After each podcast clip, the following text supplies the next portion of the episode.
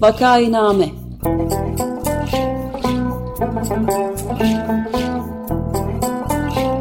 Salgın günlerinde memleket manzaraları. Hazırlayan ve sunanlar Güven Güzeldere, Ömer Matra ve Özlem Tekin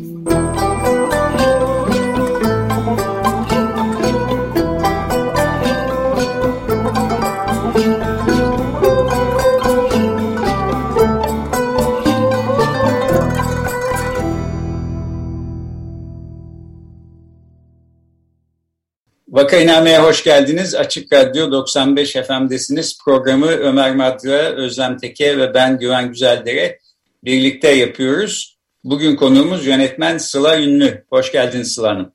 Hoş bulduk. Merhabalar, iyi yayınlar. Hoş geldiniz. Hoş bulduk Ömer Bey. Merhabalar, e, konuğumuz Sıla Ünlü İmtepe, yönetmen senarist. E, Sabancı Üniversitesi Görsel Sanatlar ve Görsel İletişim Tasarım programındaki lisans eğitiminin ardından Prag Performans Sanatları Akademisi'nde film yönetmenliği programını bitirdi. Kısa filmleriyle ulusal ve uluslararası festivallerde yarıştı ve çeşitli ödüller aldı. Belgesel ve kısa film çalışmalarına kurucusu olduğu Kim Bir Video adlı e, e, projede devam ediyor ve e, hali hazırda veteriner teknikerliği okuyor. Hoş geldiniz. Hoş bulduk, merhabalar. Biz bugün pek çok şeyden konuşabiliriz ama ana konuşmak istediğimiz mesele sizin İstanbul'un sokak hayvanları üzerine çektiğiniz ve genişletmek üzere çekmekte olduğunuz bir belgesel.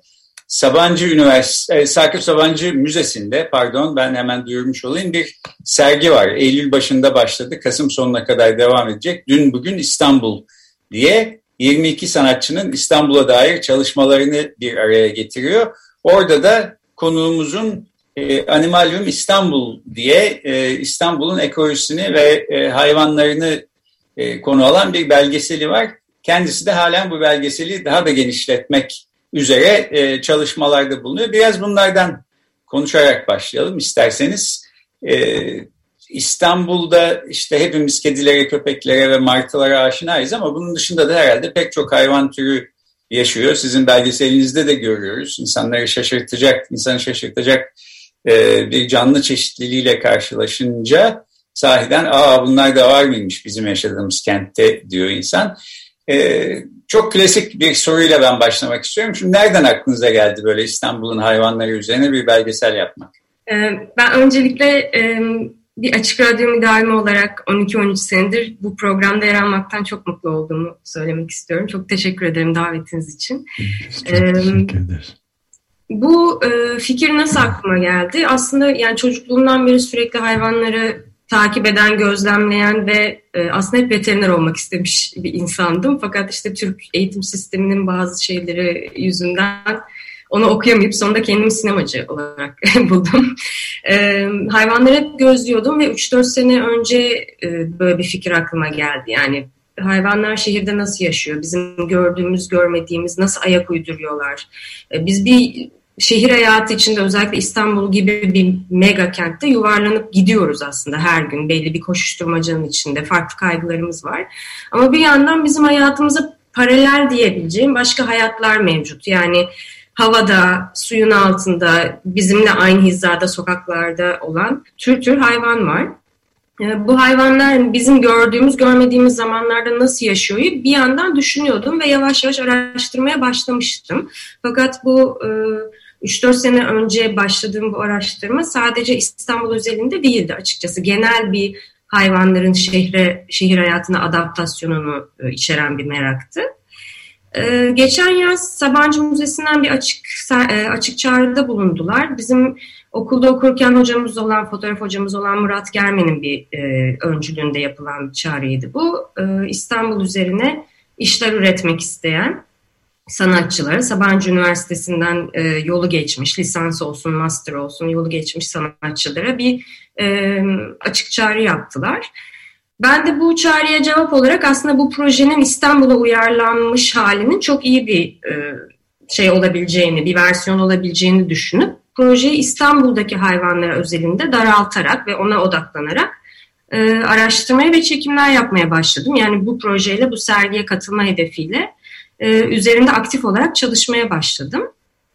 İyi ki de aslında İstanbul'a daraltmak da bir yandan iyi olmuş çünkü yani genel olarak zaten çok büyük bir konu. Sadece İstanbul'da bile e, çok büyük bir biyoçeşitlilik olduğunu e, projeyi yaparken fark ettim. Ve onu bile toparlamakta zorlandım. Yani bayağı geniş bir konu olduğunu fark ettim. E, bu şekilde başladı.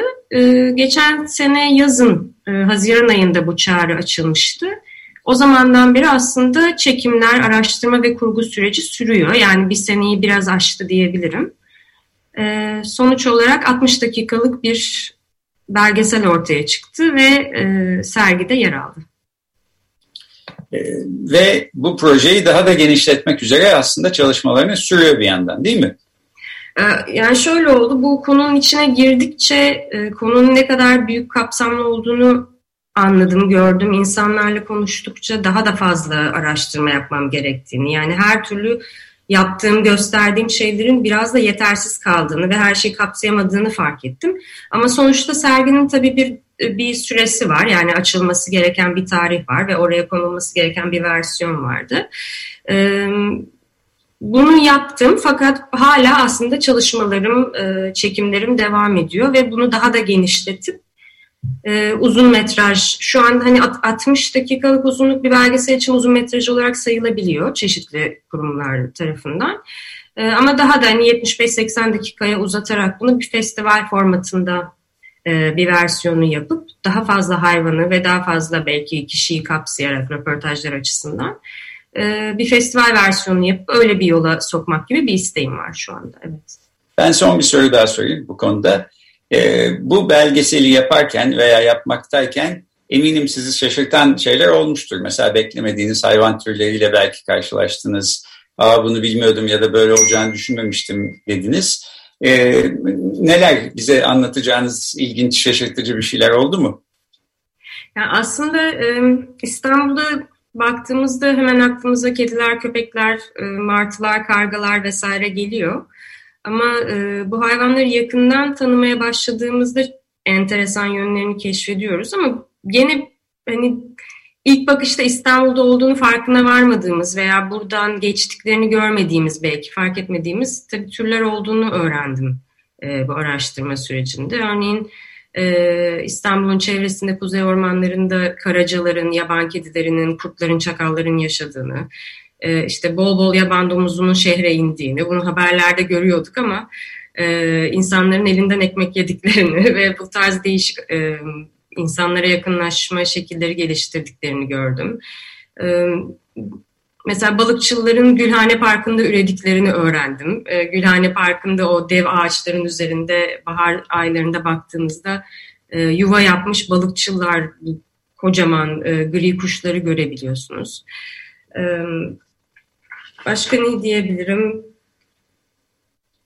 Ee, mesela kuşların, e, şehirde yaşayan kuşların kırsaldaki türdeşlerine kıyasla seslerini yükselttiklerini gürültüden dolayı ve bu tarz adaptasyonlar geliştirdiklerini öğrendim. Ee, değişen beslenme davranışlarının nasıl e, hayvanları fizyolojik olarak etkilediğini öğrendim. Ee, değişik yani hani geyiklerle karşılaştım, e, karacalarla karşılaştım, farklı kuş türleriyle karşılaştım, leyleklere yakından baktım. E, ilginç deneyimler oldu benim için. Yunuslar özellikle bir de. Bir de ben de şeyi e, merak ediyorum. Yani biraz önce sözünü ettiniz biraz ama e, insanlarla bir arada yaşamaktan dolayı bazı e, davranış biçimi değişiklikleri gösteriyorlar. Bunların bazı çarpıcı örneklerine tanık oldunuz mu? Nasıl oluyor? Değişik değişik davranışların ne, ne şekilde tezahür edebiliyor? E, şimdi benim belgeselde ilk e, aşamada araştırdığım, kendi kendime düşünürken sorduğum sorular aslında biraz hani buna e, cevap olarak yerini buldu belgesel sürecinde.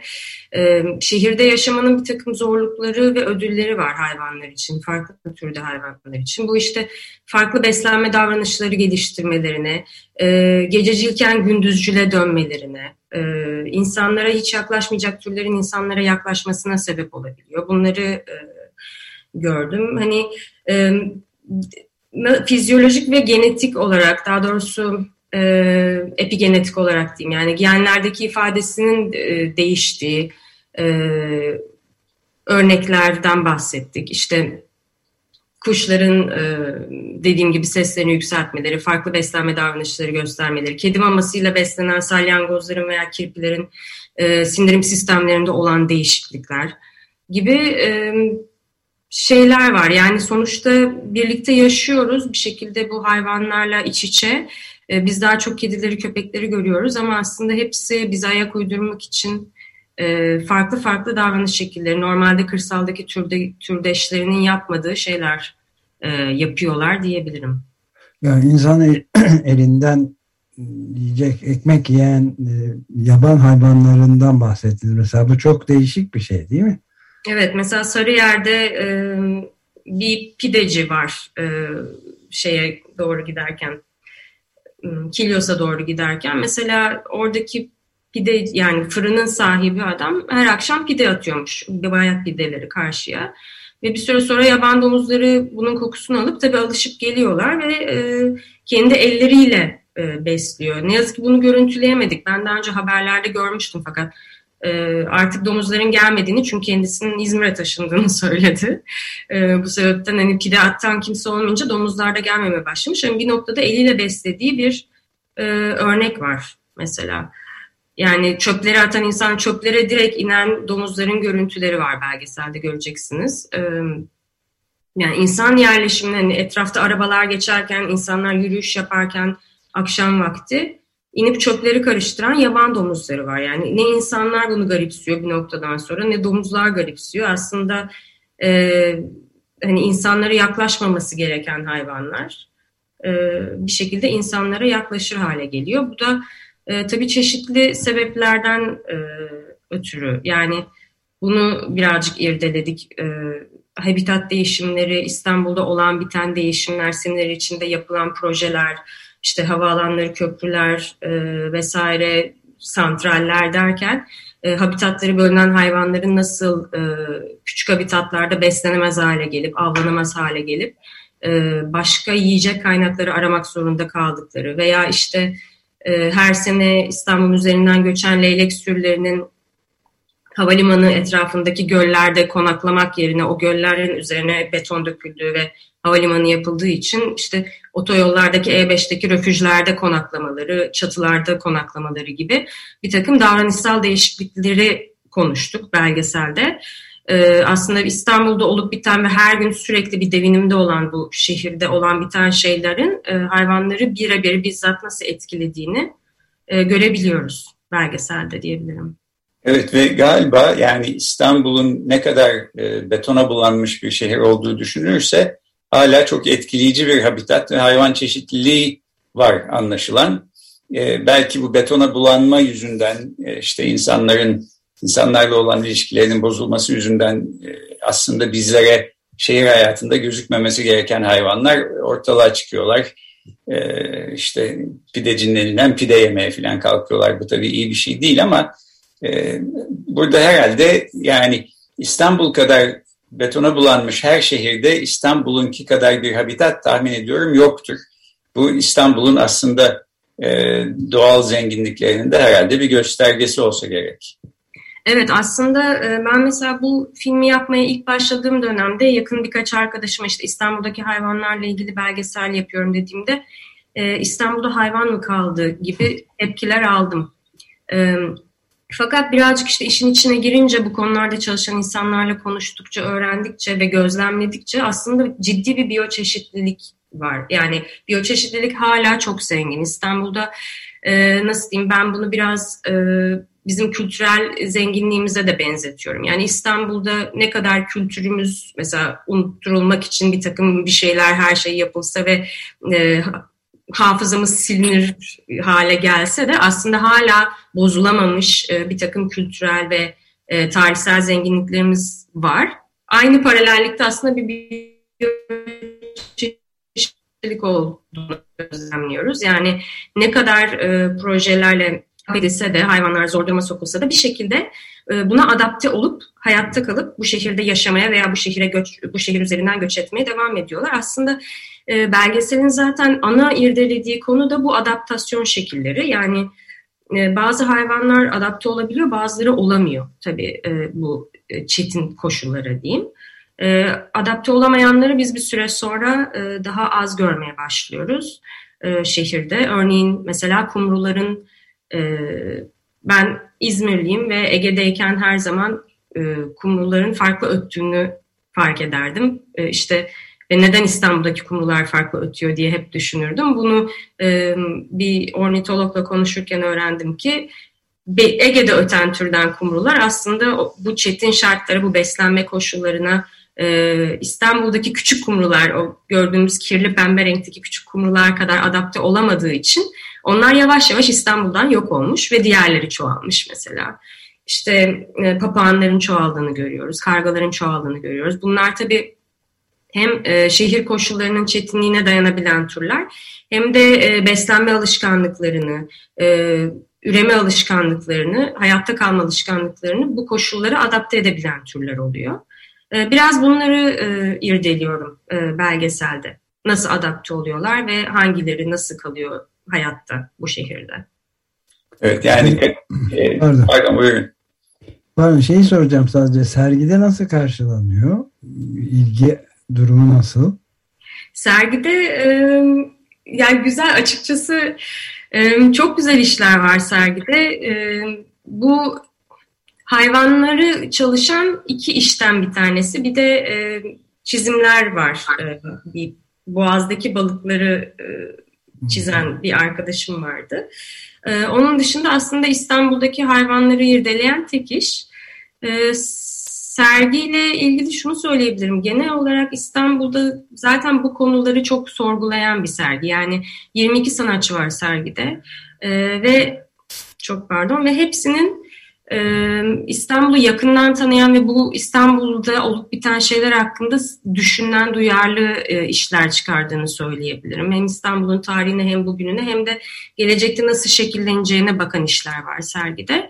E, bu açıdan e, Animalium İstanbul'da hayvanlar açısından, hayvanların gözünden bu şehrin dünü, bugünü ve yarınına e, biraz bakıyor. Tepkiler şu ana kadar e, güzel sergiyle ilgili. Hani e, dolu dolu bir sergi olduğunu ve e, çok e, nasıl diyeyim güzel işler olduğundan bahsediyor gezenler. Ben de bu hani İstanbul'da hayvan mı kaldı diyen arkadaşınıza referansla bir şey söyleyecektim. Yani Kadıköy'den vapura biniyorsunuz, Karaköy'e gideceksiniz. İstanbul'un bir mahallesinden öbür mahallesine giderken gemiyle gidiyorsunuz ve geçtiğiniz su yolunda gemiyle yarışan yunuslarla karşılaşıyorsunuz falan. Bu dünyanın e, çok az şehrinde insanların belki karşısına çıkabilecek bir şey. Dolayısıyla evet yani sizin e, belgeselinizde de gördüğümüz gibi çok şaşırtıcı bir hayvan çeşitliliği var gerçekten. Şimdi siz dediniz ki ben aslında veterinerlik okumak istiyordum sonra e, film yönetmeni oldum filan. E, fakat bir yandan da e, film yönetmenliğini yaparken şu anda ikinci bir okul okuyorsunuz. Veteriner teknikerliği okuyorsunuz. Bu nasıl oldu? Ya o bilmiyorum sanırım dönüp dolaşıp aslında temel ilgi alanlarımıza geri dönmek gibi bir şey oluyor. Tabii eskiden ÖSS'ye girerken böyle bir şansım olmadı fakat e, daha sözelci olduğum için diyeyim. Fakat şimdi açık öğretimden tekrardan e, bir ön lisans, veteriner teknikerliği ön lisansı okuyabildiğimi öğrendiğim noktada e, bunu okumaya başladım. Bu uzaktan eğitim fakat işte bir e, staj dönemi olacak uygulamalı ve sonrasında da hani sınava girip fakülteye geçip oradan hayvan davranışlarına devam etmek istiyorum. Tabii cesaretim kalırsa iki senenin sonunda devam edebilirsem. E, fakat bu şey gibi değil. Hani ben veterinerlik yapacağım veya hayvan davranışları üzerine profesyonelleşeceğim gibiden ziyade e, ben film yapmayı sürdüreceğim. Fakat e, bir süre önce aslında hayvanlarla iletiş yani hayvanlarla her zaman çok yakın bir ilişki içinde oldum. E, ve bunu filmlere entegre etmek istediğimi yani her yaptığım işe bir şekilde bir hayvan e, öğesi, bir karakter katmak istediğimi anladım ve buna karar verdim. E, aslında bu iki disiplini şimdi bir araya getirmeye başlayacağım diye umuyorum. Hani bu da animalyumda bunun ilk meyvesi diyebilirim. Veteriner te teknikerliği ne demek?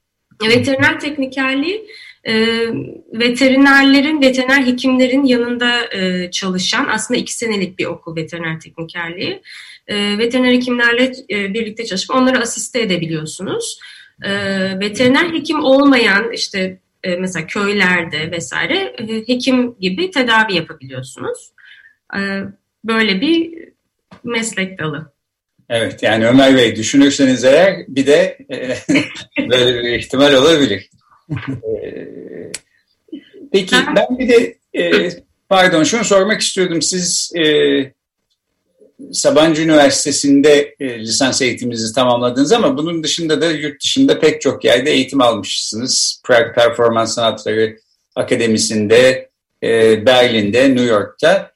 E, dolayısıyla bir yandan da bir eğitim süreciniz devam ediyor gibi gözüküyor. E, buna veterinerliği de eklersek bunlar hep sizin gelecekte yapmak istediğiniz işlere zemin e, hazırlaması babından herhalde e, bir etkisini katkısını herhalde görüyor olmalısınız bunların değil mi? Nasıl e, sizin değerlendirmeniz?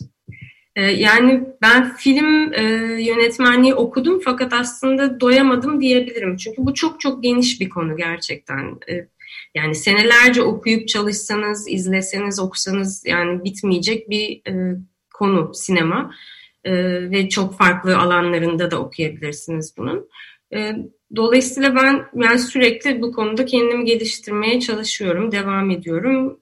Yani uçsuz bucaksız bir alan diyebilirim. Çok da keyif alıyorum yani bir yandan da bundan. Ama tabii yani filmciliğin büyük bir kısmı aynı zamanda sadece okumak değil yapmak. O yüzden bir yandan da e, yapıyorum film.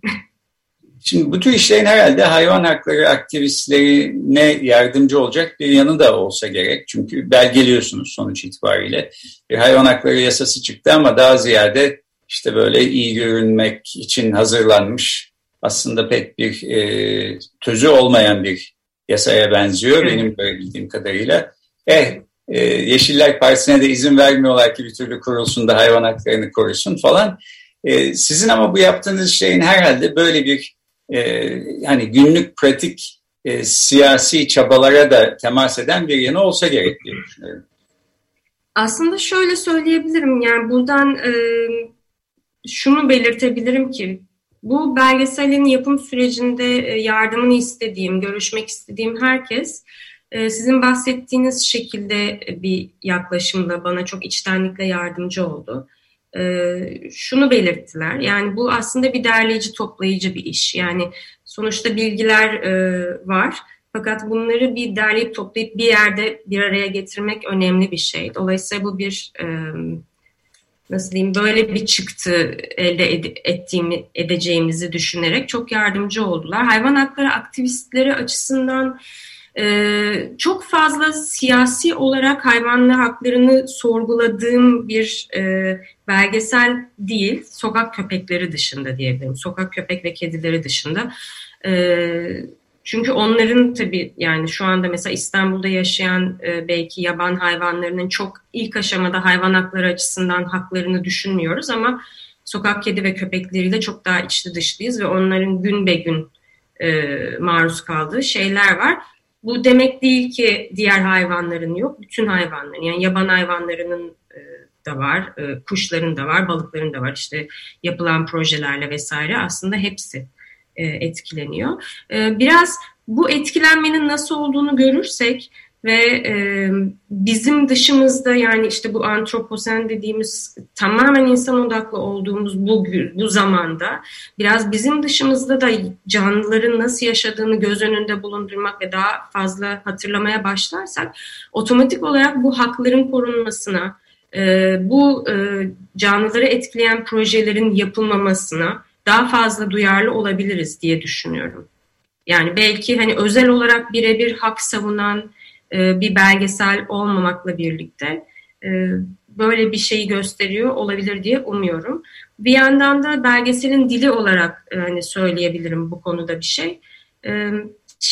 Şikayetçi bir dil oluşturmamaya çalıştım belgeselde. Hep olumlu ve nasıl diyeyim neşeli, sevinçli bir dil oluşturmaya çalıştım. Fakat e, bu şu demek değil işte köpeklerin tarihine ve hayırsız adaya değinmedik veya sokakta e, ne yiyip içtiğine, sokak kedilerinin ve başlarına neler geldiğine değinmedik değil. Ama e, motamot böyle e, birebir şikayet eden bir dille bunu anlatmamak istedim özellikle. Çünkü eğer buna zaten kapalıysa kulaklar, e, bu dilde yapılan işlere daha da kapanıyor gibi geliyor bana. E, biz biraz daha sadece görebilirsek, hissedebilirsek hayvanlarla birlikteliğimizi, ortak yaşamımızı o zaman belki e, duyarlı olmak biraz daha kolaylaşır gibi hissediyorum. Bilmem e, bir şey ifade etti mi bu söylediklerim ama. E, etti elbette. E, aslında program bitirmek için de çok güzel e, son cümleler oldu. Ee, başka bir e, sorumuz yoksa konuğumuza böylece toparlayayım ben. Ee, bugün konuğumuz e, dün bugün İstanbul e, sergisinde Sabancı Müzesi'nde bir işini de görme imkanınız olan yönetmen ve senarist Sıla Ünlü İntepe'ydi. Sabancı Müzesi'ndeki dün bugün İstanbul sergisi 28 e, Kasım'a kadar sürüyor. Oradan e, izlenebilir. E, konuğumuzun da orada Animalium İstanbul başlıklı bir e, belgeseli var. E, bu belgeseli... Belgeselin posteri de olağanüstü ilginçlikte bir nota gibi böyle ve bize arkadan dönüp bakan bir kuş var tam ortada. Evet. O muazzam yani. Posteri merak edenler bu programın Twitter duyurusunda görebilirler. Ee, çok teşekkür ediyoruz Sıla Hanım. Çok teşekkürler. Ben çok teşekkür ediyorum. Davet ettiğiniz için sağ olun. Teşekkür ederiz. Görüşmek üzere. Hoşçakalın.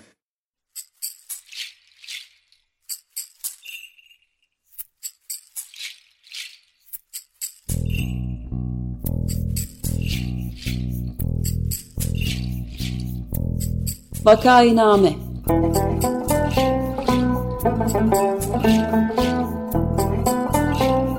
Salgın günlerinde memleket manzaraları. Hazırlayan ve sunanlar Güven Güzeldere, Ömer Matra ve Özlem Tekin.